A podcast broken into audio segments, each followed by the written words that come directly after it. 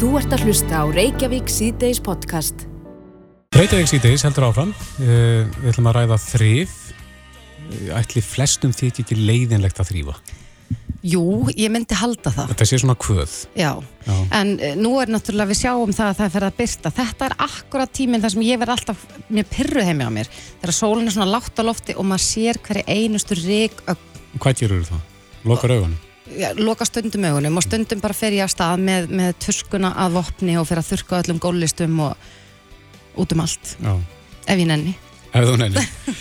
e, við rákvæmst á námskeið sem að reynda að fór fram e, þann 3. mars af hverju þrif, hver er tilgangurinn og hún er komið til að ræða þessi þrifmál með okkur.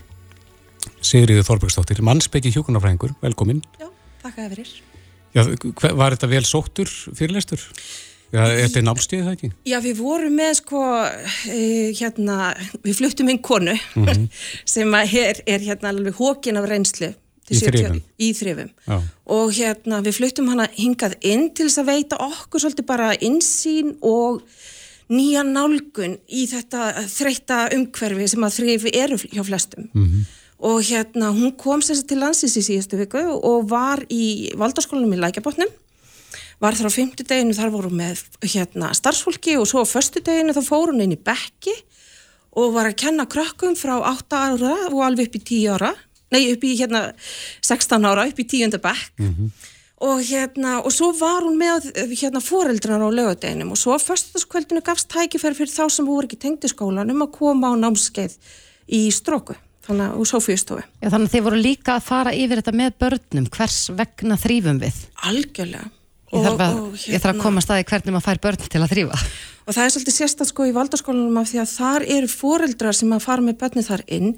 Vi, við sjáum um að ég í 20 ár, og meðan ég hef haft börni mín þarna, að þá hef ég alltaf farið reglulega upp yfir kyn, kynst skólastarfinu með því að mæta og þrýfa skólastofunar. Og, hérna, og þannig hefur það alltaf verið hjá okkur þar. Þannig að við erum í sjálfbúðarlega vinnu við að þrýfa skólan fyrir börnin okkar.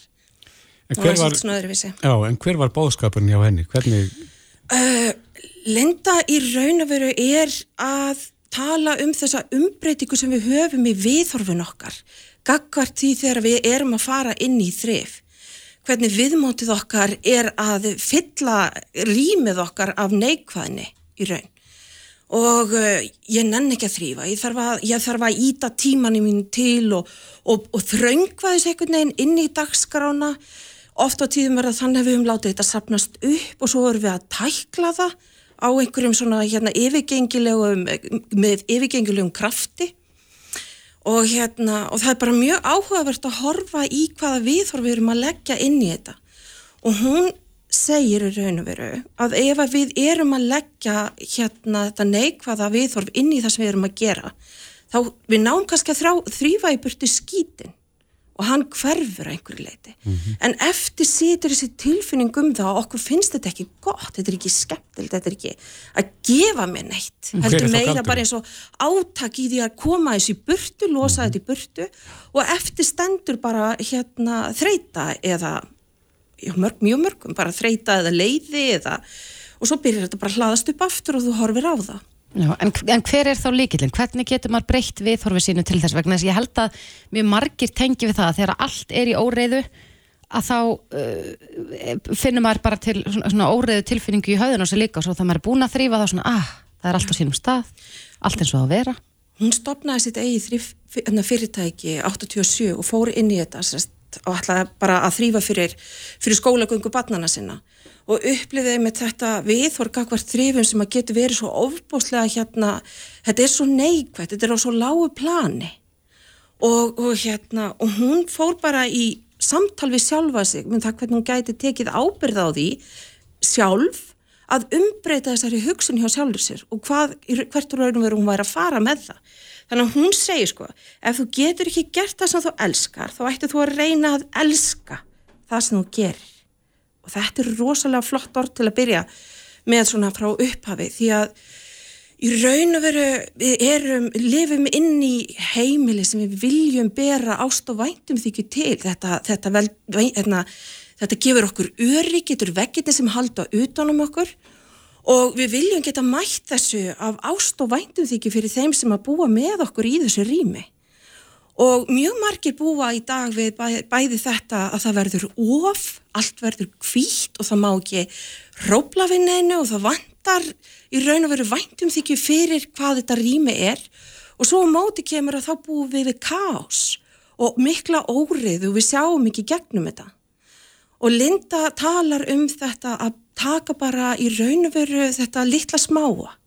Þykja væntum þetta vekja með sér þessa næringu fyrir því af hverju erum við með þessa hluti þarna? Að þeir, þeir hafa einhverja tengingar fyrir okkur og þeir bæti lífið okkar. Og, og líka eins fyrir þá sem að búa saman að þeir finni svona sáttmála sín á millu um það hvernig hlutinir eigi að vera. Mm -hmm. þannig að öllum líði vel en það sé ekki bara eitt sem að þrýfst á því að búa í kás og annar sem að þrýfst illa af því að hann þarf að hafa allt reynd Já. Þannig að þetta snýra mörgu þáttum sko. Svona. Já, ég sá að þið nefnilega það einn ein, hluturinn sem þið svona fjallið um eða fjölluðuð um á þessu námskeiði var sambönd og þrif. Þetta getur verið mikið bitbein í samböndum sko. Já, ég er nú alltaf að reyksuga eða ég hef eitthvað tíman raugrætt um það hvort að maður er fyrst að þurka af og reyksuga svo eða reyksuga fyrst og, og þurka svo af. Þetta getur verið alls konar. Þannig að þetta getur líka bara haft áhrif á, á sko Eh, parsambandi eða bara fjölskylduna heilt? Algjörlega. Og það uppafið að ég að fá lindu hérna er það að ég, ég flutti inn þessa bók og það er einn konund í bæ sem að byrja að lesa hana.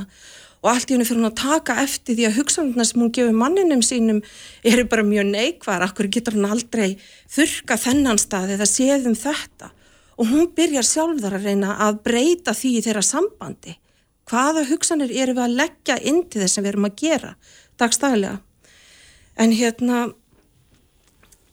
Þetta er fólki þykji, einhverjum þykji gaman að þrýfa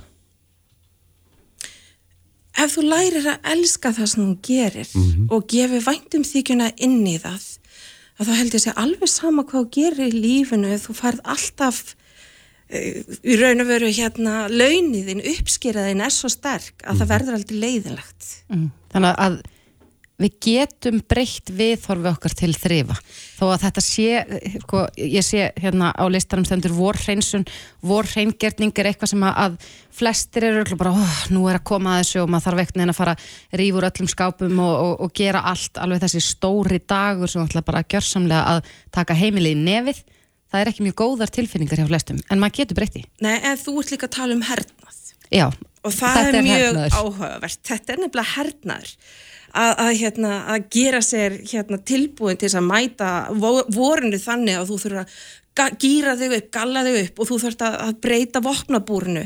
Næla er ykkur nýjar þrifurur bæta við endalaust og svo er bara eins og maður segir, maður svo setur maður bara tónlistin á blast og svo er bara hérna allir í gýrin og svo er bara tækla þetta.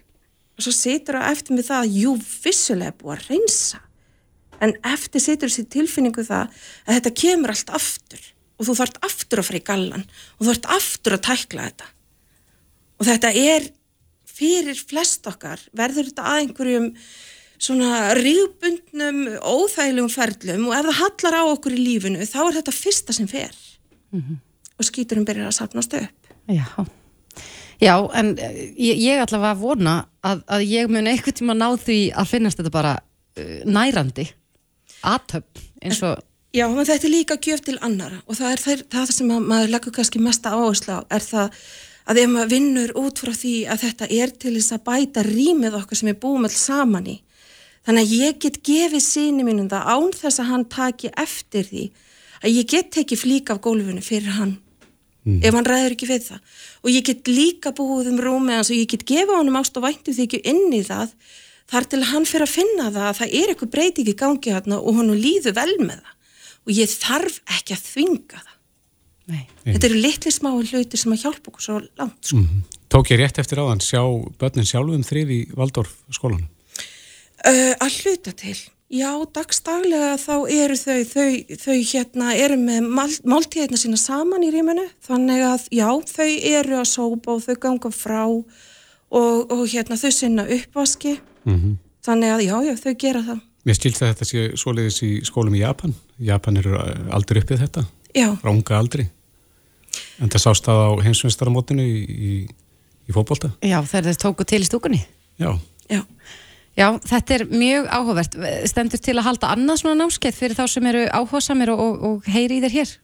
Ég, ég veit bara þá þegar að það eru hugmyndur upp um leshópa til þess að reyna að íta undir og hvetja aðra. Já, hvað heitir bókin? Bókin heitir uh, Why Cleaning Has Meaning, hún heitir Linda Thomas. Það er hægt að kaupa hana í gegnum mig, það er líka hægt að kaupa hana í gegnum Amazon og það er hægt að fá hana inn á Storytel, þannig að endilega bara að kíkja afsökun. á þetta. Það er engin afsökun og, og það er góð uppsker af þessu. Akkurat. Sigriður Þorbergsdóttir, mannsbyggi hjúkunarfræðingur, kæra þætti fyrir komina. Takk fyrir mig. Þú ert að hlusta á Reykjavík C-Days podcast. Ég held að flestir muni nú eftir því árið 2017 þegar að MeToo reyfingin var sko, í hámæli. Mm -hmm. Þetta var uh, fyrsta frétt á, á fréttamiðlum út um allan heim, mikið talað um, um kveikmyndaframlegan Harvey Weinstein og, og svo þetta höfum við séð, já má segja bilgjur hér á landi, mm -hmm. þar sem að já, konur í meiri hluta hafa stíðið fram og, og uh, líst áreitni eða ofbeldi í sinn garð. Í einhverjum tilvikum hafa þessir menn verið um, nafngrindir mm -hmm. og svo hafa verið ímest domsmál, ærumeðingar og annað slíkt. En það er aðeins annar tótt í þessum málum núna, skinjar maður allavega svona umræðin í samfélaginu. Það bárst fréttir af því að Ingo Veðurguð sem hefur nú ekki verið að spila ofinbyrlega eftir ásakanir í Hansgarð, hann hefur selgt upp fjóra tónleika og ekki nómið það að þá verður uh, þessum tónleikum sjónvarpað á sjónvarpið Símans og hægt að kaupa aðgangað tónleikurum líka í gegnum einhverja vefsið en þýðir þetta við séum komin að þann stað að, að uh, við erum búin að gleima eða er okkur sama?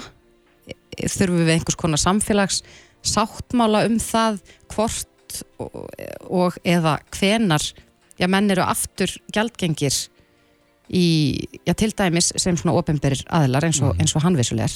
Er við að tekna það upp fyrir okkur með, með þessu? Uh, hún er komið til okkar til að ræða þetta Margrit Valdimarsdóttir, uh, dósend í félags- og afbrótafræði við Háskóla Íslands, velkomin. Takk.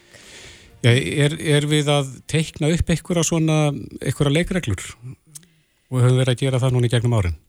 Já, sko, einmitt, kannski bara aðeins að því að þú sagðir, erum við búin að gleima, Þórdís, þá mm -hmm. hérna um hvað er í gangi okkur átt núna, þá langar maður að segja sko það virkar einmitt ekki á mig eins og við séum búin að gleima heldur er andin í samfélaginu núna hann er ólíkur því sem gerðist í kjölfarið á þessari fyrstu bylgu 2017 er að þegar það var svona mikið, já fyrsta lagi bara undrun á því að svona margar konur væri að verða fyrir kynfyrirsofbeldi og kynfyrirsleiri áreitni og svo mikil stöðningur í kjölfarið og svo núna virðist vera að þó að það hafi ekki verið mælt núna þá var mælt eftir fyrirbylgjuna og það var mikill meiri hluti landsmanna jákvæður í gard mítúrhefingarinnar mm -hmm.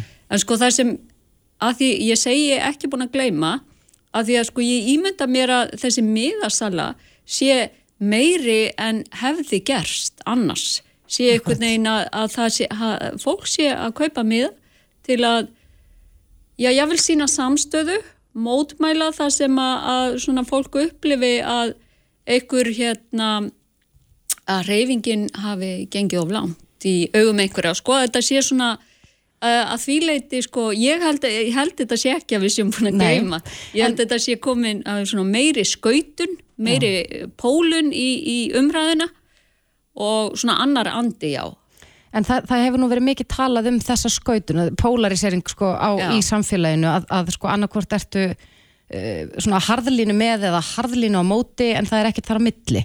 Er við sko, er við í raun og veru bara sjá kannski aukana til begja hliða, þeir sem eru, eru einhvern veginn vilja sína stöðningsin í verki, kaupa með á þessa tónleika og svo er, er hinn hliðin uh, þeir sem að fordama þá sem að kaupa með hana? Ég held að, að það sé, það er ákveðat það sem við erum að sjá og þetta sjáum við á samfélagsmiðlum.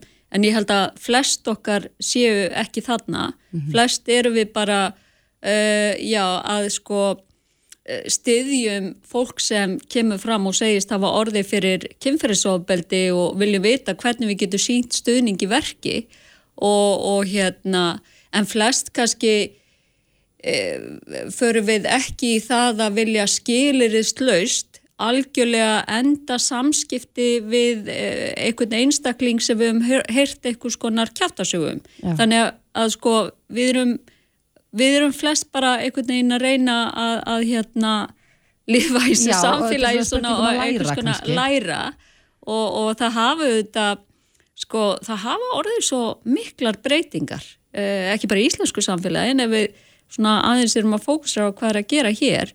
Eh, í réttarkerfinu í kynfyrirsbrotamálum hefur margt, margt breyst til batnaðar en við erum auðvitað ennþá bara að í samfélagi þar sem margar konur verða fyrir einhvers konar kynferðisbroti flestar af þeim konum sem verða fyrir kynferðisbroti e, tilkynnaði ekki til lauruglu og alls ekki á samfélagsmiðla og, og afleðingarnar eru alvarlegar og, og þetta vitum við núna.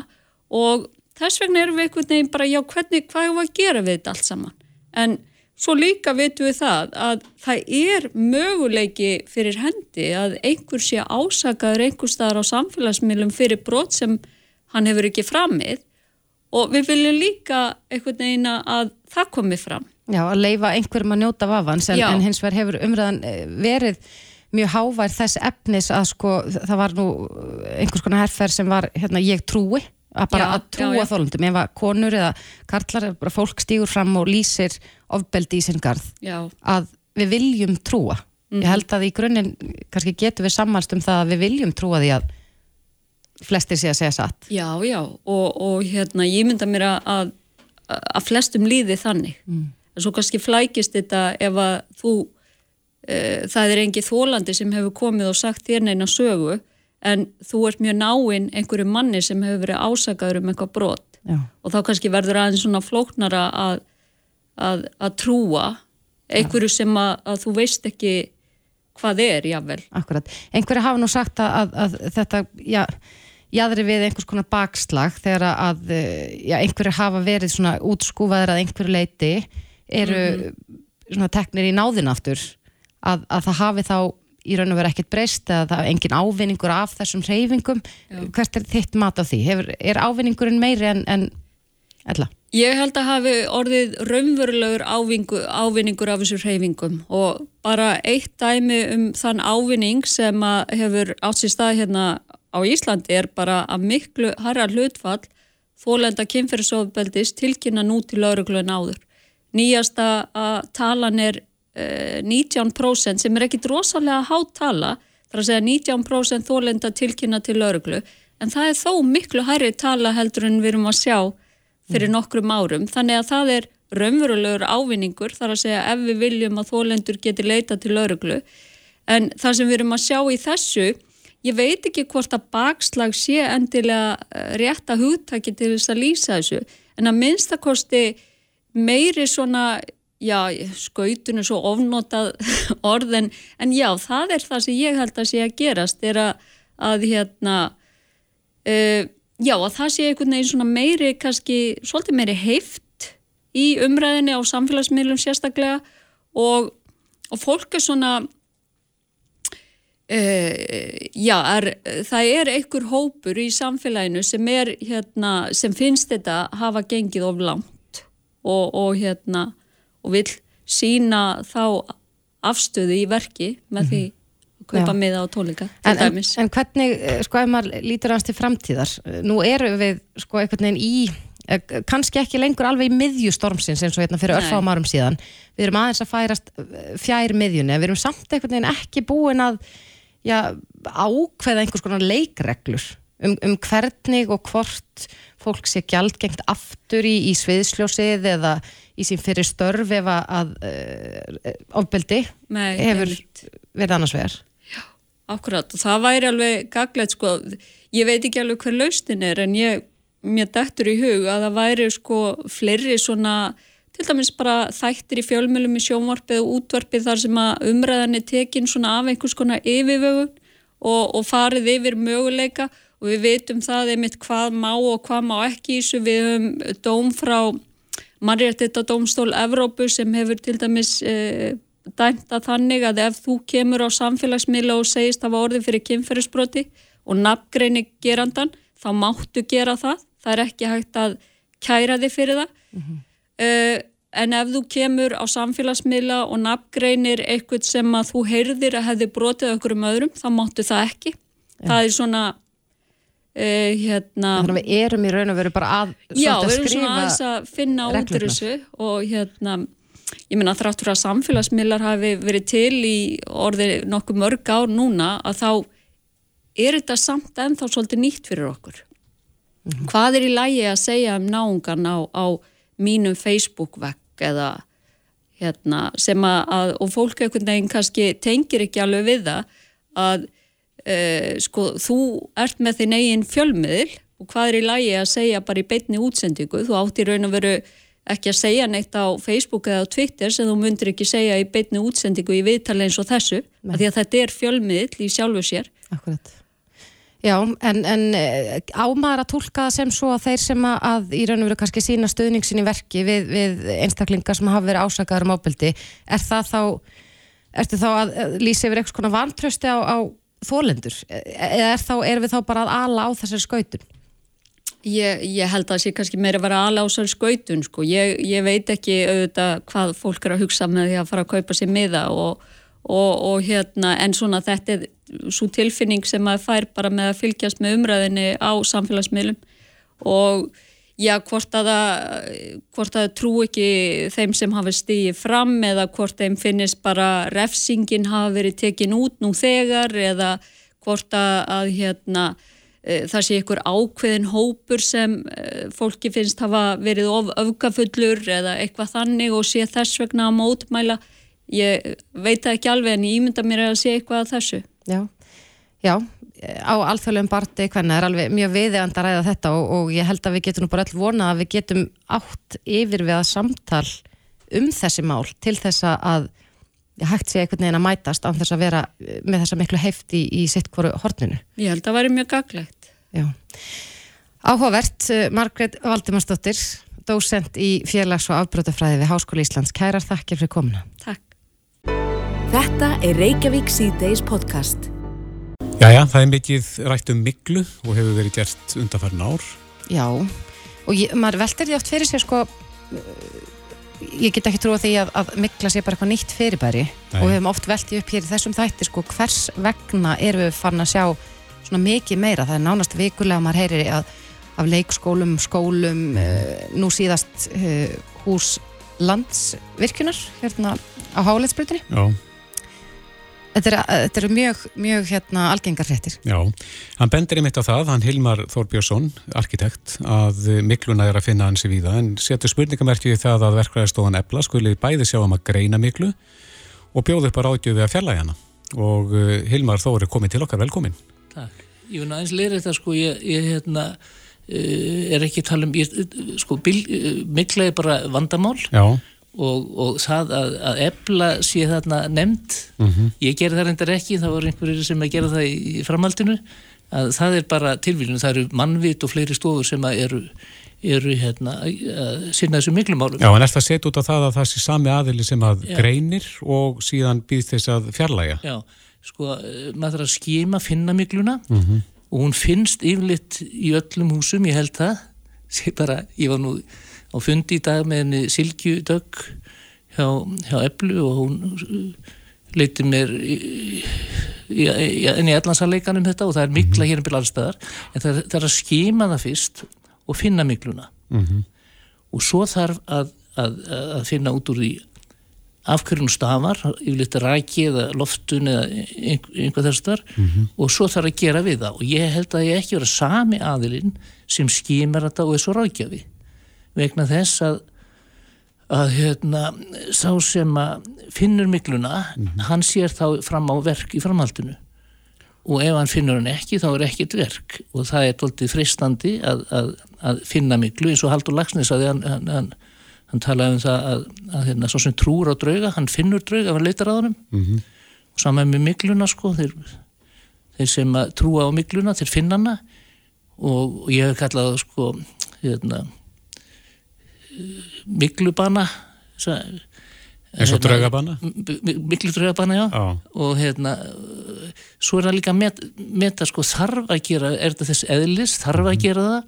Og hvað er að gera mikið og þarf til gutunum, þetta á ekki að vera í höndum þess sem skimar. Nei, það ætti að vera í raun og veru eitthvað, eitthvað annað apparat Já, mér finnst það bara annar aðili, annar, annar bara, já, það getur verið hver sem er. Ég uh, sló nú upp á netinu núna fyrir viðtalið og það, er, það eru fullt af fyrirtækir sem sinna miklu og einhver, einhver sem heitir miklu hreinsun SF eða í, e, e, eitthvað, já. Og það eru sko, þetta er orðið helja mikið í starf og mér skilst það á, á, á hérna, þessum sérfræðingum að þetta sé aldurstengt, þeir segja það að mélaskólinn sé komin aldra, hann sé verið 80 ára og, og, og hérna, það þurfa að fara að sinna þessu. Og þá segi ég, nei, þetta hefur ekki eitthvað með aldur að gera. Ekki eitthvað með aldur að gera, þetta er með viðhald að gera. Ég er sjálfur lærur arkitekt í húsi sem er 300 ára gamall í Kauparöfn og það var engin mikla, fóröldrar við byggum í Fraklandi í 140 ára gamlu húsi, engin mikla og, og það er fullt af húsum út um allt ég ætti að vestan á flati það er hús sem eru frá 1840 engin mikla, þetta er ekkert með aldur að gera og, og, og þegar, maður lesa þetta í skýslónum að meðlanskólan sé orðin 80 ára gamall og komin á tíma þess vegna það er reynda að tekið fram að, að hérna, viðhaldi skipti máli en það er ekki er, það er vittlisa að tala um aldur þessu sambandi. Já, við sáum það þetta, svart á kvítu sko þegar það var nú mikið fjallar um hús orkuveitunar Já. Sem var Já, já, nýbygging Já, og, já, og þar já. greindist einmitt, mikil mikla. Og það, það er líka sko, það eru hús sem eru byggð nákvæmlega eins og meðlaskólinn á öllum höfunum, melunum, hlýðunum, út um allt sem er komin orðin 80 ára gummul og þetta er náttúrulega bara skelvilegu dómur á þessar fasteignir ef að þá að dæma þau sem miklu uh, áhættu uh, og það er líka annað sko að, að við tökum eftir því að að hérna, miklan finnst mest í, í hérna, ofnbjörnbyggingum. Man heyrir ekki mikið um það í íbárhúsum og, og hérna, það fer enginn sem að er í, í blokk eða fara að miklu skoða húsi sitt en það hefur áhrif á bara hel, verð egnarinnar og, og, og, svo er það líka hitt að, að, að sá sem að er í skólanum eins og í melaskólanum það var enginn skils mér kvörtun yfir miklu þegar, þegar þetta fór að stað þar. En, en hérna sá sem er, finnur fyrir miklu enginum sem er mjög alveglega, sko, mjög alveglega ég þekki það. Og bæði þekki fólk sem voru fyrir þessu og ég ber ekki gera lítið úr því sko. En maður verður að vita hvað miklan hver hann verður fyrir ofnaminu hver, flest er í mörgum hús sem býr á einu stað stundar líkansvægt einn stannastar og vinnir stannastar, ég var á tveim stöðum. Og, og það er að skoða öll tækifæri þeirra, öll tilfellin þeirra, þeirra tilfelli kemur upp. En Hilma, þú hérna eftir að þú kemur fram með þessa skoðun þína, já, þá fegstu bóð, þú sagðist að var að fara að hitta hana Silju hjá, hjá Eblu. Já, og það var fundur í morgun eða ekki, þar sem að þú fegst kynningu á þessum álum. Hvað, hvað kom fram þar? Hvernig leist þér á? það sem að eh, mér bara með veist var hvað ég vissi í launinni lítið. Um mikluna. umögluna, já. Ég fikk alveg frábæra yfirferðin með þetta og, og þetta eru afskaplega fær sérfræðingur sem þarna er að vinna og hefur hugsað um þetta í mörg ár. Og, og, og, og hérna, þetta á rætur þetta talaði um þetta í biblíunni sko og mikla er bara gegnum alla sögum mænkinsins og þetta er, er gríðarlega uh, mikið máli, ég vil ekki nota, nota flókið sko en það er, það er markþætt og, og hérna já, ég hefði mjög mikið gagnað því og Breytti þetta skoðuðinni á þessum álum? Nei, ekki þessu sem ég er að nefna.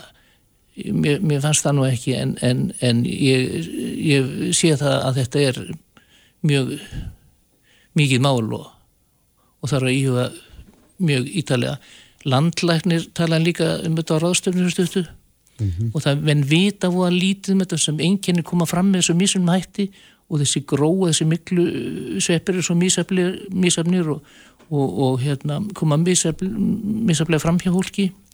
Þannig að þetta er ekki auðvelt.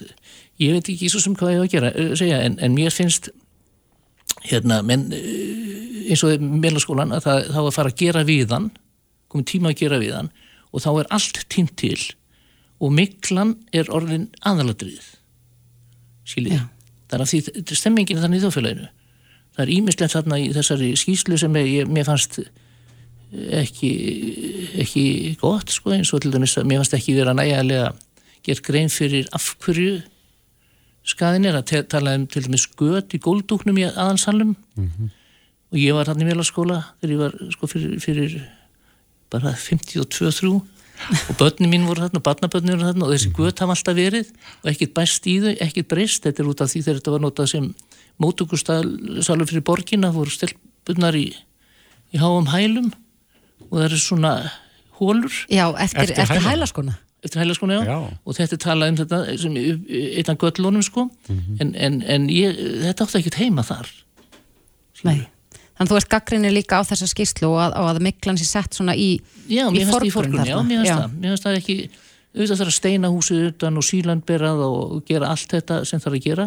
En er það ekki bara hlutur af, af viðhaldi þegar um að ræða hús sem eru Jú, það er bara viðhald Mér finnst miklan fá of mikið vægi. En, en ég verði að endur taka, sko, þetta er mjög fyrir þá sem næm, næmið fyrir svo bara skelvilegt, ég er búin að, ég þekki marga sko, sem bara get ekki, ég þekki konu sem hann læknar á landsbytalunum sem var að hætta út af þessu og, og svona. En uh, heldur að það hefði eitthvað breyst í hönnun húsana þegar nú ert þú arkitekt? Já, já, það er breyst mikið. Hefur eitthvað sem að orsaka kannski frekar að, að hús mikla í dag? Já, það er, það er sko þessi íslenski veggur sem er, er stiftur sem sagt kaldur og einangraður innan og það er kuldabrú á, á hérna, plötuskílunum hann, er, hann er, hefur, hefur galla en hann hefur ymsa kosti en, en menn hafa bröðust við því og eru að, að að einangra húsuna utan. Er þetta ný aðferð? Að einangra utan? Nei, ein- eins og þú ert að lýsa. með stifta Já. nei, nei, nei, það er eins og verið gert í ára og tíu í, hundra ár og, og, og gefist mísaflega en yfirleitt bara ágætlega. Það er, það er hérna, þessi viðgerð sem ebla leggur til sem gengur lengst. Hún, það er sko að rýfa allt innan húsinu, einangraði utan og skiptum alla glugga, það er ekki reikna með því að svo aðferð dugi í 30 til 50 ár. En meðlaskólan er 80 ára. Ég, ég segi það ef það er svona, svona, viðgerð þá döga í 100 ár. En þá segir segir hérna, ebla að, að þeir get ekki lofa mér en 50 ár út af því að framlöndur efnana og svona, svona alls konar fyrirvara sko en það er þetta er allt saman rök rétt og Já. rökstut en, en uh, þetta er ekki En stundum hefur verið talað um það að, að sko hraðin, að við bygg, séum að, að reyna að drífa okkur svo mikið vegna þess að húsnæði skorturni er það mikill að að hraðin orsaki einhvern veginn, já það að, að hús séu líklegri til þess að, að mikla. Steipa náu allar þotna? já, já. Þetta er að það spila inn í.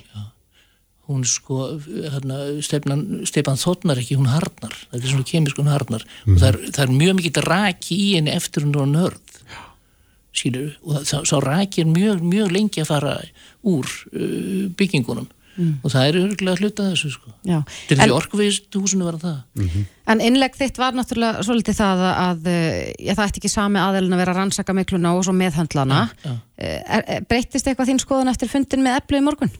Já, sko, hún sagði það að, að þau syndu öðru.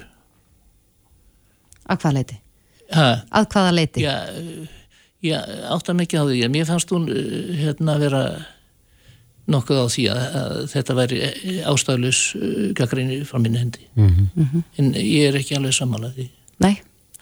Já, en þetta er mikilvæg umræða að sjálfsögðu vegna þess að við erum að, að, að sjá þetta út um allt og hefur mikil áhrif á líffólks líka bara, við erum búin að sjá börn eru flutta milli hverfa til þess að, að sækja skóla Já, já. með, með til, tilhörandi röskun. En aðtöða þarna, svona hagaskólin, ég veit ekkert um hann, en, en, en hérna, hann hefur, var vist læmur og fólk var flutt út í hótelsögu og svona, en það eru hérna, nokkur hundru nefnendur þetta og maður áttar sér ekki alveg á því, ég veit að mjög mikið hlutir ónæmi fyrir þessu, bara finnur ekkert fyrir þessu, aðrir eru mjög næmir og, og það er allt þar á milli og, og ég náttúrulega kann ekki ráði því en, en ég hef einhvern veginn ekki trúað því að maður þurft að loka öllum skólanum, ég hef bara trúið ekki, þetta eru þrjár mismöndi byggingar og, og að sami vandinn skulle verið um öllum.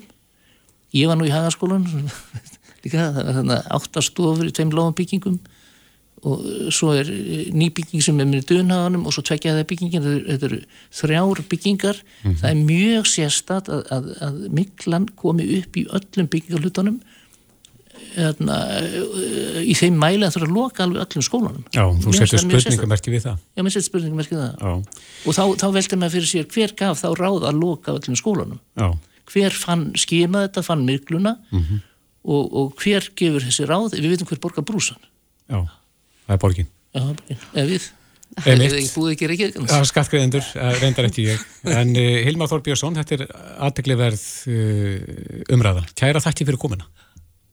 Takk fyrir Þetta er Reykjavík C-Days podcast.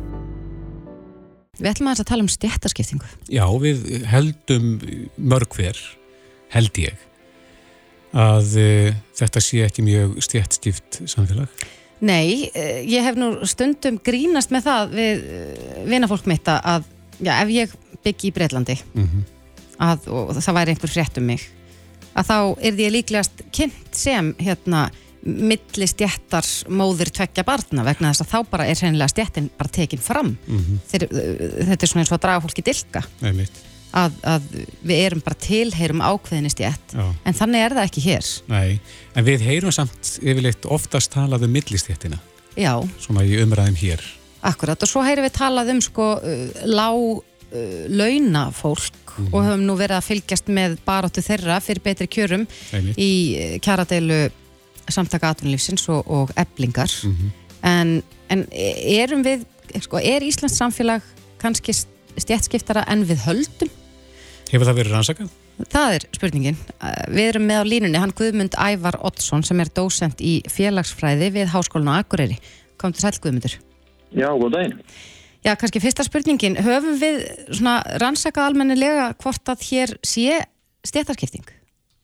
Já, sko, ég hef nú skrifað yfirlitsgrein þar sem ég tek saman sem sagt, rannsóknir á íslensku samfélagi frá nútímavæðingu, segja svona frá upphafið 2000 aldar og það hefur nú verið skrifað svona talsvett, talsvett um þetta en, en ma- maður myndi alltaf vilja sjá aðeins, uh, aðeins meira. Og, en, en þær rannsóknir sem hafa verið, verið gerða bera nú alla meira minna að sama brunni að Íslands samfélag er stjættskipt samfélag þótt að stjættskiptingi sé ekki eins íkt og til dæmis í Breitlandi eins og, eins og þú nefndir. Og við þetta sjáum, sjá, sjáum sömu ferðlana hér og við, og, og, og við sjáum annar staðar. En, en ja, þetta er auðvitað mjög áhugavert að, að uh, huga að þessu en hins vegar erum við líka á, á hinbóin sko ofta að tala um það sko, samkvæmt einhverjum OECD meðaltölum og fleira þá skorum við mjög hátt í jöfnuði en, en samt sem áður virðist vera stjætskipting. Já, sko, hér er þegar við erum að tala um Ísland er þetta kapitalist markans samfélag og, þarna, og þannig að það er þótt að sé styggsmunur eins og til dæmis á Íslandi og, og Breitlandi þá er ekki eðlismunur og við þetta sjáum áhrif stjætskiptingar eins og bara til dæmis bara í lífslíkum það er þarna frá landlækning hembættinu sem að sína að, hérna, að kartmaðurum þrítur getur vænst þess að lifa fimm árum skemur heldur en hérna, ítningjar hans með, með háskólapróf. Og mentun er svona eitt stjætta vísir sem svo gefur okkur svona eina uh, eh, ákveðna insýn inn í stjættaskiptingu og við sjáum að það er uh, ójöfnuður í heilsufari á Íslandi eftir fjárhagstöðu uh, þeir sem eru tekju hærri eru líklega til að segja húsnæði eru ólíklegir til að upplifa atvinnuleysi, líklegir til að ganga mentavegin, búa við almennt betri heilsu, ólíklegir til að neyta sér um heilbreyðisjónustu. Þetta er allt þess að við getum flokkandi lífsmöguleika og við sjáum mun á lífsmöguleikum eftir stjættastöðu. Það lýsir stjættskiptu samfélagi, ekki stjættlausu samfélagi. Þótt, þótt þessi kannski styggsmunur uh, á þessum þáttum hér og, og eins og til dæmis í að, fyrst að við hérna, nefndu það á hann. En uh, þegar við tölum um stjættir, hva, hvar er, er það þrjár? Við hefum náttúrulega heyrt mest talað um millistjættina. Já, En er þetta- síðan lágstjætt og, og hástjætt eða hvernig er skiptingin á þessu?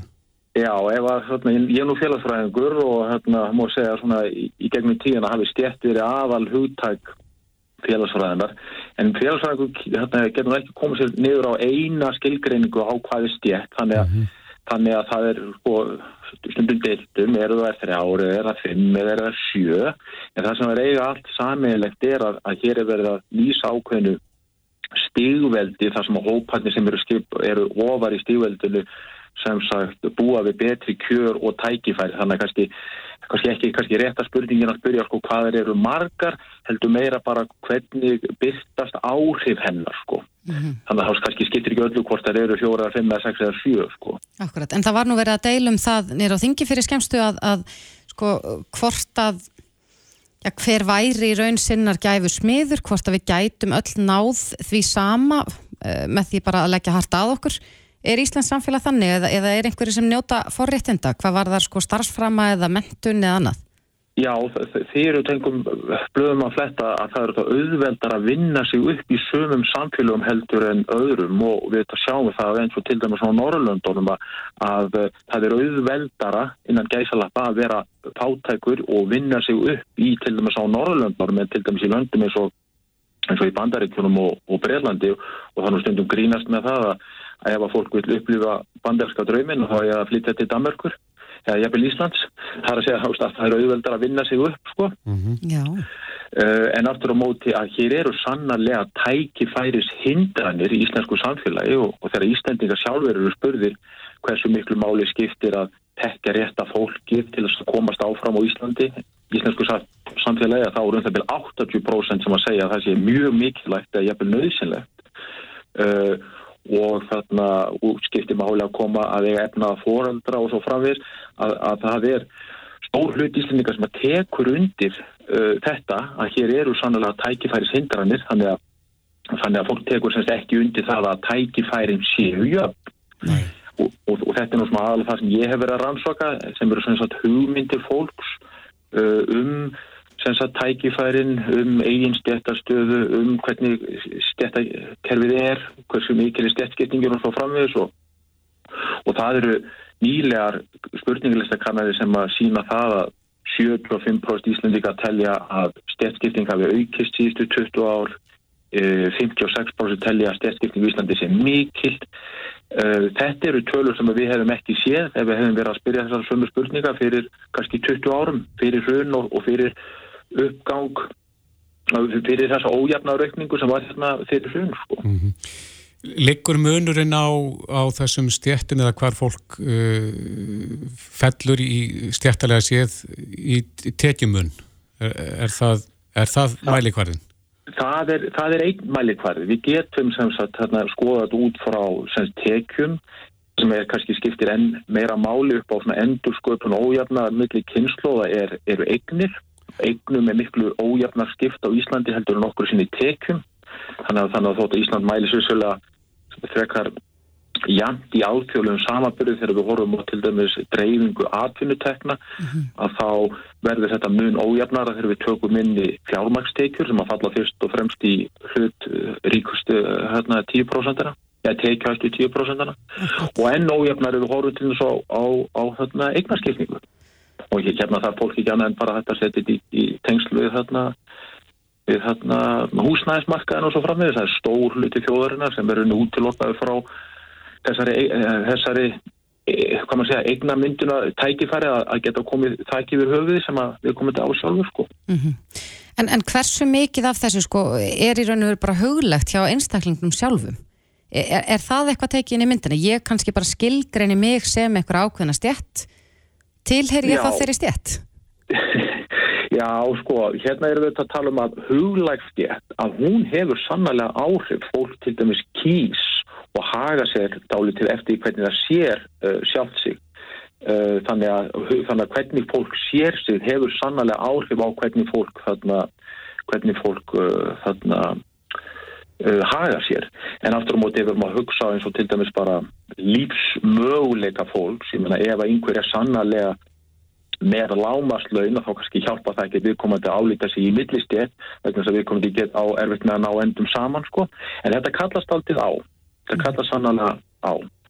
Akkurat, en eh, sko nú eru já, sko stjórnmálamenn tala auðvitað oft um jöfnuð og vísa í já. einhvers konar tölur hérna, sama-evrópskar og OECD einhver meðaltöl Já. Ættu við að vera að einblýna á eitthvað allt annað til þess að reyna að ná fram jöfnuð í samfélaginu? Já, sko, það er svo margt sem að það er að skoða jöfnuð út frá svo mörgum uh, mörgum þáttum og hérna og, og, og ein leið það að skoða sem sagt tekið á jöfnuð og skoða gínistöðulinn og við getum skoða 15. og við getum skoða hlutar fólks í fátækt algildri fátækt og afstæðri fátækt og, og ég auðvitað auðvitað við skoðum þetta út frá sem sem sagt uh, þarna uh, breyðustu grunni og til dæmis að Íslands samfélag hefur þetta breyst heil mikið síðustu 25 ár og, og taland um OECD þú sínir þetta gögg frá OECD að helmingur íslenska ríkisborgar á Íslandi þarna er undir uh, fátakamörkum en er, en er samt í launaður vinn og þetta er mjög hátt í alþjóðlunum samanbyrði sko. þannig að það er ekki nóg að ímynda sér að, að samfélagi sé bara einsleitt þetta þurfum við líka að horfa út frá ákveðni, ákveðnum hópum eins og til að horfa á hvernig uh, hafa hefur fólk það sem er hérna af Ellendurbergi broti sem hefur komið hérna fyrst og fremst til þess að vinna lálaunastörf að þetta eru þetta mjög stór hópur orðin og og þannig að samsetning verkamannastjættarinn hefur breyst heilmikið eins og byrstist meðal annars í baráttu þarna eblingar uh, síðustu vikur á mánu. Mm. Hefur þessi hópur minni og færri tætjafæri til þess að vinna sig upp? Ekki spurning. Ég held að það sé engum blöðum það að fletta það sé sama, sama staðan á Íslandi eins og, uh, eins og annar staðar. Að stjætt eins og þú nefndir að, að þetta snýst ekki bara um tekjur, heldur snýst þetta líka um að tekja fólk og ég myndi að koma hérna að uh, Sagt, með eh, lítið sem ekkert bakland, talandi ekki tungumálið, þekkja ekki innan gæsalappa rétta fólkið, að þetta er frándur í götu þeirra sem að þarna, vilja vinna svo upp í samfélaginu, svo sannlega. Akkurat. Já, þetta er mjög áhugavert og, og eh, já, ef að samfélag okkar heldur áfram að þróast eins og það hefur gerst, þýðir það þá eh, enn meiri stjætskipting? Já, já, ekki, ekki spurning. Að, þarna, að einhver leiti er ójöfnur eða ójöfnað stíð pólitísk ákvörð. Við sjáum það bara með alþjóðlum samabörði að eins og til dæmis, ég veit ekki betur en að barnafátækt í Fraklandi sé meiri en í bandaríkjónum áður en að ríkisvaldi stígur inn og, og skatleikur og endurdreifir en aftur á móti þegar, þegar ríkisvaldið er búið að stíðu inn, skatleikja og endur dreifa, að þá er barnafátækt orðið miklu læri í Fraklandi heldur en okkur sín í bandaríkjunum. Þannig að frakkar gera meira til þess að minga ójöfnuð meðan bandaríkjum er gera voðalega lítið. Mm. Þannig að það er búið að sína fram á það að þetta er hægt. Bandaríkjum hafa sjálfur sínt fram á það á, á sjönda áratökum og þá lísti Lyndon Johnson yfir stríði gegn fátækt og þá var mjög stór hluti aldraðara í bandaríkjónum bjóðu fátækt og þeir náða að lækka það úr hendi þriðjungi neyri í 10%. Þannig að þetta er hægt. Þetta snýst ekki bara um hvað einstaklingurinn gerir heldur getur uh, er þetta beita ríkisvaldun ákveðin hátt þess að auka jöfnuð eða mingan. Já, þetta er pólitist val. Þetta er pólitist val upp, upp, upp, upp að mjög miklu marki. Já. Guðmundur Ævar Ótsson, dósent í félagsvæði við Háskólan á Akureyri. Þetta er aðdegli verð. Kæra þakki fyrir spjallið. Takk svo mjög leðis. Reykjavík síðdeis á Bilginni podcast. Það verist vera nokkur ánægði með það að samningar hefði náðst, miðluna til að hann var samþygt. Já og bara með, sko það voru 98,5% aðeldarfélag SA sem að samþyktu tillöguna mm -hmm. og 85% uh, þeirra sem tóku þátt í atkvæðagreislunni hjá eblingu. Þannig Já. að við hljóttum að sjá það að, að það er ekki sátt Einmitt. um þessa tillögu. En það var mikill munur á þáttökunni, voru ekki 23% eblingar fólk sem að tók þátt? Jú, og 81% hjá SA. Já, á línunni er Haldur Benjamin Þorbergsson, framkvæmdastjóri samtaka aðunlífsins, kontur sæl. Já, komið sæl. Ég er ekki við hæfa að segja bara til hamindi með að þessu máli sé lótið? Ég held að sé ágifðum að tiltölu að farsa löst. Þetta endar þá með því að það búið semjað all félagin, stóru félagin á almenna vinnumarkaðunum og eflingarsamningurinn endar sem SGS-samningur fyrir SGS fólk mm -hmm. ég hef ekki að sé bara nokkuð góð niðurstað en svo kannski sérst í, í þessari atkvæðagreyslu þá ríkir ekki bara einhugur helgjur algjör einhugur á meðal aðururreikanda um að fallast á þessa meðlunatillu mm -hmm. og samaskapi finnst mér koma bersinlega í ljós að eflingar fólk hefur alveg frá öndverðu vilja greiða atkvæði um SGS-samningin og það sem að ég, svona lærdominu sem ég dreyga að þessu er að þetta hefur verið langt farsalast ef að þeim hefur verið gert kleift að greiða atkvæðum hann í desember eða janúar. Akkurat. Nú hafa nú margir, já, talað um það að þegar að aðalsteitin Leifsson lagði fram sína miðlunatilögu sem var ansi samhljóma þeirri sem þið greitið atkvæðum núna að, að þá hefðu við kannski ekki þurft að fara í gegnum síðustu vikur sem hafa verið ansi stremnar. Nei, en það er ég bara algjörlega sammála því. Ég er þeirra skoðunar að ákvörðun aðalstæðins Leifssonar að þeir muni eldast afskaplega vel og að sagan muni dæma þá ákvörðun hans með indænum vel. Þú lýsir því þannig og ég tek undir það að miðlunatillagan sem síðan heggur á hútin er í öllum meginadröðum sama miðlunatillaga og aðalstæðin Leifsson lagði fram en efling muniði neitaði að, láta, að framkvæma atkvæðagreyslu um þá miðlunatilu. Mm. Samanskapi telli að svo ákvörðun muni eldast afskaplega illa. Já, en e, það er ekki ánægju öllum bæjum með þetta og Sigmar Viljámsson, e, formaður atunifélagsins, segum að vinnur eftir samningi milli SA og eblingar, hann er ósáttu við afturvirknina. Já, ég svo sem er bara sama stað, ég laði harta ríkisvöld sem er að það er það að hafa afleðingar þegar félag bóða verkvöld og látaðu komandi framkvæmdar. Mér finnst þetta að vera afskaplega slæmt fordæmi sem þarna er sínt og ef að einhvern veginn eh, allar mögulegar svegjur á þessari kjæraðsamningsleið hefði ekki komið fram og þá er ég að vísa til félagsdóms, til landsréttar og til afsagna ríkisvöldsenara þá hefði ég eflust hvart félagsmenn samt ekki aðeins til þess að fella þessa meiluna til það. Eh, en í ljósi þess að eh, við töldum að það væri þetta ferðlega hefur afskaplega flókið þá töldum við svona hilstætt metið að það væri betra að fallast á þessa meiluna til og greiðinni atkvæði en það er ekki eitthvað sem við munum stíða til framtíðar. Nei, hefur þú uh, átt samtal við þitt já, uh, þau fyrirtæki sem eru í samtökum atvinnulífsins, það hefur nú mikið verið talað um það að það mæði á uh, veitingabransanum að það sé herja á þeim úr öllum áttum og nú erum við að sjá út af þessari afturvirkni að það, það verður ansi já, ríflegur launatekki hjá eblingarfólki um mánaðamótin. Heldur já, þetta... ég hef alveg trúið að, að líðræðið sé öflöðast í vettvangur sem við eigum Samtök aðurlýsins eru alltaf óhrætt að spyrja félagsmenn sína álits og mér fannst þið orðað þetta best sjálf í upphafi að þegar að 99% greiða atkvæði með meðlunatilugur þá likur það alveg fyrir að megin ströymurinn er tilbúin að samþykja þá leið. Jábel þótt að séu alltaf einhverjir sem eru annara skoðunar. Mm -hmm. Meiri hlutin ræður og þú farið ekki mikið meiri stuðninga 99% í atkvæðagreyslu. Nei. En hvert verður framaldi núna? Þetta er, það eru viðræður hafnar er það ekki á ný, menn sitja á, raugræða? Jú, gamanið skildu spyrja því. Við erum nú þegar hafið undirbúning næsta kjærasamnings, bæði við SGS-félagin, Vaffer og einnaðamenn og ég vænti þess á næstu vikum en svo fundar setja bara þéttast. Hvað með eblingu?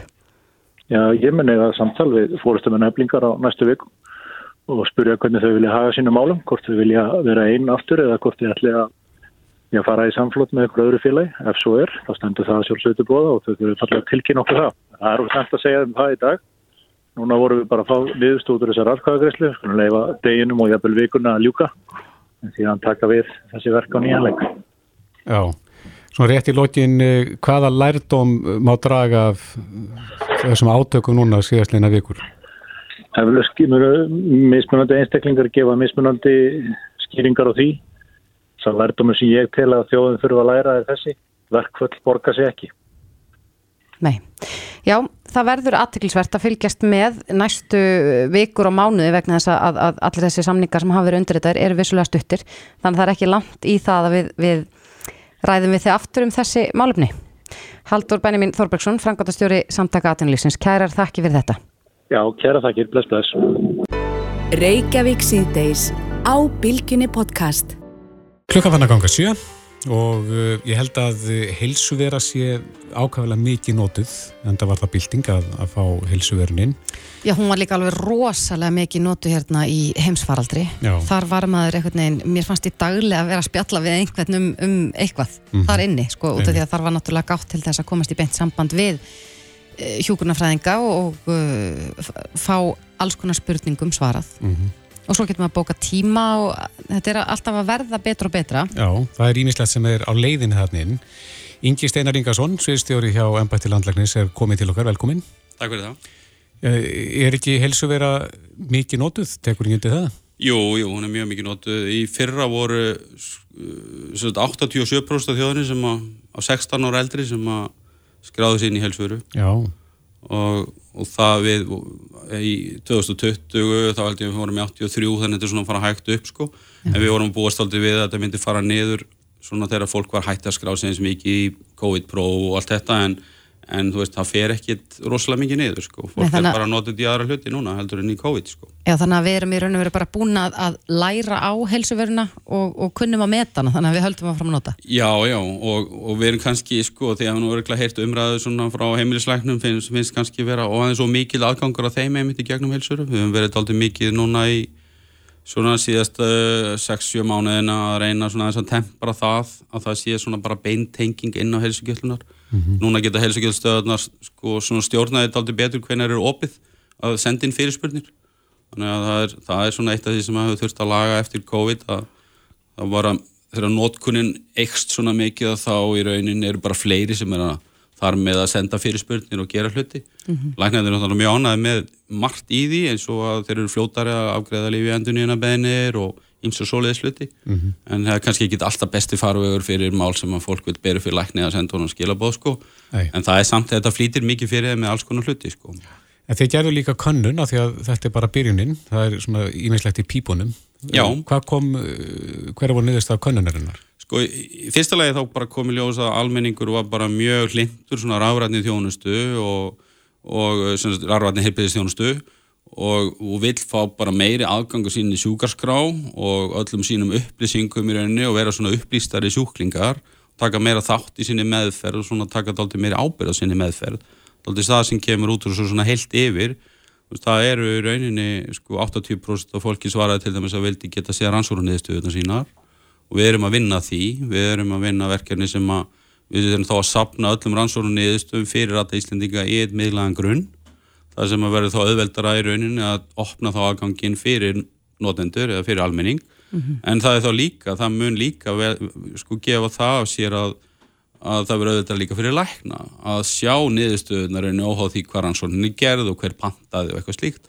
Þannig að fólk er að fara frá einu kannski heilsugjöldstöðinni yfir að bráðamótöku og þá þarf ekki að endur taka rannsóknir eins mikið og, og slíka hluti þannig að það er margt svona sem að, sem að í rauninni harmonerar það sem heilbreyðiskerfið þarf og það sem almenningur vil Já, en við vitum það að við eigum öll okkar sjúkra skrá bara skrá yfir allar okkar komur og, og, og samskipt við lækna mm -hmm. ef maður hefur átt börn þá er til skýrsla um það munum við sjá það í framtíðin að við getum bara nálgast þessi gögn um okkur sjálf inn á helsuveru? Já, það er markmiði hjá okkur að, að, að þú mynd bara að fá aðganga allir þinn í sjúkarskrá, bara allur sem er til um þig og geta þá bara að skoða það. Og það eru marg, mörg verkefni erlendist þar sem að þetta hefur sko, verið rauninni mjög til bóta, það verður aukið það sem við kallum meðferðarheldni. Mm. að fólk hefur betri aðgang, þú mannst kannski ekki alveg hvaða læknir er sagði við þegar þú kemur heim. Áttur að gera þetta eða áttur ekki að gera þetta og staðin fyrir þú eru þá að senda fyrirspurn þá getur þú bara að opna og skrifa og séð hvað læknir skrifaði. Þannig að þetta er svona þetta er og, og bara aðgangur að öllu. Manna, margir sem eru með til dæmis langvinna sjúkdóma bara vita nákvæmlega hvað blóðfittu gildin þýða og hvað blóðsíkur gildin og allt þetta, þau þurfa í rauninni ekkert lækni til að segja þeim nákvæmlega hvað þessi gildi þýða, mm. þeir eru að fara í einhverju blóðrannsóknir eða eitthvað slíkt sko. Þetta þá talum að nýðustuði blóðrannsóknir verði þá inni á helsuður? Já, já, það er, sagt, það er pælingin að, að þetta verði bara allt, all sjúkarskráin í rauninni. Og, og þetta hefur gefið góða raun í rauninni úti eins og úti í Danmörku, þar er þar er þetta þannig að, að það hafa allir landsmenn þar bara aðganga öllunum sín og rannsóknum niðurstöðum og það gerist bara samstundis og rannsóknum niðurstöðan er tilbúin. Það er ekkert vist að læknirinn sé einu sem er búin að sjá hana þegar mm -hmm. einstaklingur út í bæi er búin að sjá sína niðurstöðu og menn hefur auðvitað áhyggjur að þessu fyrst í Danmörku að, að það væri vond að sjóklingurinn sæi niðurstöðun og undan lækninum en, en þeir sem þetta voru með þetta fyrst þannig að læknirinn þetta staðfest að þeir voru búin að sjá niðurstöðun áður en að sjóklingurinn sá hana síðan voru að koma upp mál þar sem að læknarnir voru ekki að staðfesta. Og þá fekk sjúklingurinn ekki niðurstöðuna. Og þá settu þeir 72 tíma svona delay á að sjúklingurinn sægi og núna er þeir búin að taka það af Þannig að kemur bara samstundis. Já, bara leið og niðurstöðan kemur frá náttúrustofunni þá sér sjúklingurinn sína niðurstöð, einstaklingurinn sína niðurstöð. Þetta fyrir, er það sem við viljum gera hérna líka. Já, en eins og fyrir bara fullari fólk, mun ég geta séð hérna 20 ára aftur í tíman? Er þessi, er þessi gögn um mann sem er í sjúklarskránu, er þeir til á rafrænu formi yfir höfuð? Sko þau eru til, sko flestum stöðum eru rafræn gögn til alveg til svona 97. 1997 mm -hmm. og þá fór í gang einleggingin á þessu sjúkværskerfi sem er notað á flestum stöðum sem heitir Saga. Og, og það sem sagt uh, var, það kerfi var innleitt þarna svona frá já, 96, 7, 8 þannig að flestir staðir, allar ofinbæra heilbyrðistofnanir, heilsugjöldstöðuvar allir þessir eigast þetta, þetta langt aftur í tíman, en það eru smá flækjur í þessu í rauninni að það er, það geta verið í sjúkurskráni upplýsingar sem er háðar eftir þriði aðela þannig að fóriðri til dæmis er að tala við geðlækni um barni sitt og þá er í rauninni lögin, sjúkursálaugin eru þannig að fóreldri þitti þá að samþykja að barnið setna meir mætti sjá það sem var skráð og haft eftir því í rauninni. Þannig að við rauninni það sem við erum að hugsa þetta núna þannig að við opnum bara á frá með einhvern ákveðin degi og síðan munum við þá setja upp einhvern ferdi þar sem þú getur óskað eftir aðgangi aftur í tíman og þá þarf einhver að fara yfir það og staðfesta að þessi sjúkarskrá sé í lægi að byrta mm. og þá mun hún verða, veist, þannig að við setjum upp svona ferli fyrir það, það er svona hugsunni. Einmitt, og mér heyrist að þarna verði þá flestar upplýsingar, sjúkrasagan og lífjarskrá og annars líkt. Já, bara allt í sjúkarskráni. En það kveiki þá líka spurningur um sko fríðhelgina. Mm -hmm. Það er mikill fjöldi fólk sem hefur aðgang að þessum gögnum. Já. Fáu að vita þá hver flettir mann upp til dæmis eða skoða við, þessar upplýsingar? Já, algjörlega og, og sko almenningur á rétt á því samkvæmt sjúkarsvöldum að fá upplýsingar um hver flettir honum upp í raunni og persónundalögin eru líka að skýra þessu leiti, við höfum allir rétt á að sjá bara gögn um okkur og hver skoðar þau. Og en það er sem, sagt, það sem við erum til dæmis núna langt komin með í heilsuveru að, að það er Sagt, ég veit ekki hvort þið áttu ykkur því sjúkarskráðnar í landinu er alltaf svona samtengdar mm -hmm. þannig að ef að þið farið á heilsugjöldstöð og svo á læknavaktina og endur kannski bráðamóttökunni þá geta heilbríðistarsminn þannig að milli séð sem þetta gögnum frá hinum aðlunum mm. og það sem við ætlum að gera sem þetta fyrst í þessum byrtingum er að fólk sjáu hver á annari stofnun var að sækja gögn frá hinni stofnunni því að það er rauninni svona kannski það er, já, það er svona erfiðar að hafa eftirlit með því í rauninni hver er að fletta upp á millistofnana mm -hmm. en stofnarinn það sjálfar bera ábyrð á því saman hvort það er sjúkrahús eða helsugjöldstöð eða apotek eða hver það er bera ábyrð á því í rauninni að tryggja það að það séu bara þeir sem er að sinna sjúklingnum sem að er að fletta viðkomandi upp. En fær þá uh, sjúklingurinn uh, tilkynningum það sjálfkrafa að honum hafi verið flettu? Sko, það er það sem að, í þessum, þessum fyrstu hérna, pröfu hérna í helsuveri sem er alveg að vera tilbúin til að ferja loftið að þá er hugsun að þú getur gerst áskrifandi í raunin, mm. þú getur þá bara að gefa upp netfangið þitt við tímum kannski ekki alveg að senda SMS í hver skipti sem einhverjum flettir einhverjum upp Nei. það er þannig mörg SMS og það eru svona sko í hverju viku eru alltaf ekki svona 300.000 uppflettingar í sjúkarskrár á stofnunum á, á, í heilbíðiskerfinu þannig að þetta er mjög mikið mm -hmm. en, en þú getur þá sett inn netfangið þitt og fengið tölupóst eða við myndum senda þá einu sinni í mánu eða einu sinni í viku eða eitthvað stíkt, einhver svona yfirleitt hvað er búið að fletta það mikið upp mm. en, en þetta er svona sko, eins og þetta er sem þetta inn á heilbíðistofnun og það er svona eftirlitsnemndir sem að fara yfir, gera random check taka þegar það eru þjóðþektir einstaklingar sem leggjast inn eitthvað stíkt þá er það actually skoða bara farið onni í, í loggana í öllum þessum kerfum og öll þessi kerfi í heilbreyðiskerfinu, hvort það er sjúkarsvörkerfi eða lífsælagátt eða hvaða er, þau eru all með mjög ítalega lokka sem segir bara nákvæmlega hver, klukkan hvað, fletti hverjum upp. Já, þannig að það er hægt að sjá þetta alls. Já, við þekkjum auðvitað kannski svona uh, aðra útgáfa af slíku kerfi er hérna kreditinfo, maður getur farið mm. inn á kreditinfo og séð nákvæmlega hvort að einhver hafi verið að fletta manni upp sko í, í lánshæfismati og annað slikt, þannig að, að sjáu þið fyrir hvort að verða eitthvað svona sveipa því. Já, algjörlega, en, en náttúrulega fólk sem er sko veikt og er mikið að veita, leita til heilbæðistjónustu, það væri náttúrulega bara vinga stanslöst, þú veist hjá því, það fer kannski en til læknis. En þetta kæmi bara beint Tækifæri á því að, að ef að það er einhver sem að breytur á þínu rétti og flettir þér upp án þess að þú hafi þjónu, leitað þjónustuðar þá viljum við náttúrulega ekki að þú þurfur að fara inn á heilsuveru veist, til þess að sjá það nei, nei. Þú, veist, þú viljum í rauninni gefa það líka tækifæri að setja svona vöktun í gangi rauninni, þú veist, fyrir þessar hluti en, mm -hmm. við viljum ekki sko drekja fólki, þú veist, fólk má ekki bara vilja bara losa sig við heilsuveru því að það bara kemur endalist einhver ping frá því veist, Er á leiðinni heilsuveru app? Það er í undirbúningi, já, svona við erum að skoða hvort að það sé ekki næsta skref og það erum við þá að horfa einmitt á eins og svona hluti, þá getur við bara stilt það í appinu, viltu fá notification mm -hmm. í símanum þegar það er eitthvað að gerast.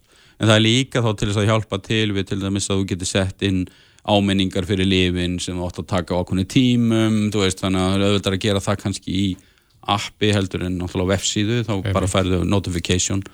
En hérna, þannig að það er ímestegt svona sem það myndi hjálpa og það er líka þá auðveldar, auðveldar svona nótkunnina á því í, í símum og annað sko, mm -hmm. það sem er þægilega En greinilega mikill áhuga á þessu, það er ekki 87% Jú, 87% í fyrra sem að nótuðu helsveru Aðeins kannski rétt í lókina því að við rættum heilmikið við þig á meðan á COVID-faraldurinn stóð út af smitrakningarappinu Já. Hvað er að frekta því? Það líkur svona í dvala.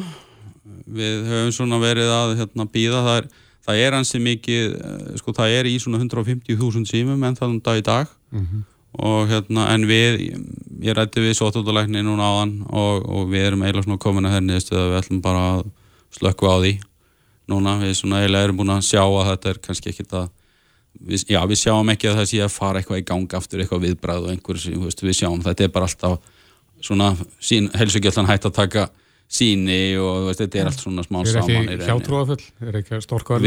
Já, við, vor, við hefum verið það aldrei í þessu hérna, og, og líka bara sko það er bara líka rosalegt áttak að koma appi inn í 150.000 síma veist, og það er ekkit endilega vist að fólk var eins jákvægt í það ef það kæmi núna í bylgja og Guð fór okkur frá því en, en hérna, ef það kæmi núna í bylgja þá er ekkit endilega vist að það væri auðvelt að fá alla til þess að fara að taka þátt þú veist, í þessu aftur, fólk er nú orðið ansið þreytt á COVID eins og við hjá ennbættinu, við erum alveg búin að fá hérna, nóga því í bíli Já, Já þetta er mjög áhugavert og greinilega margt framundan inn á helsuveru en uh, við þakka þið bara kærlega fyrir komuna Ingi Steinar Ingarsson, sveistjóri hjá ennbætti landlæknis.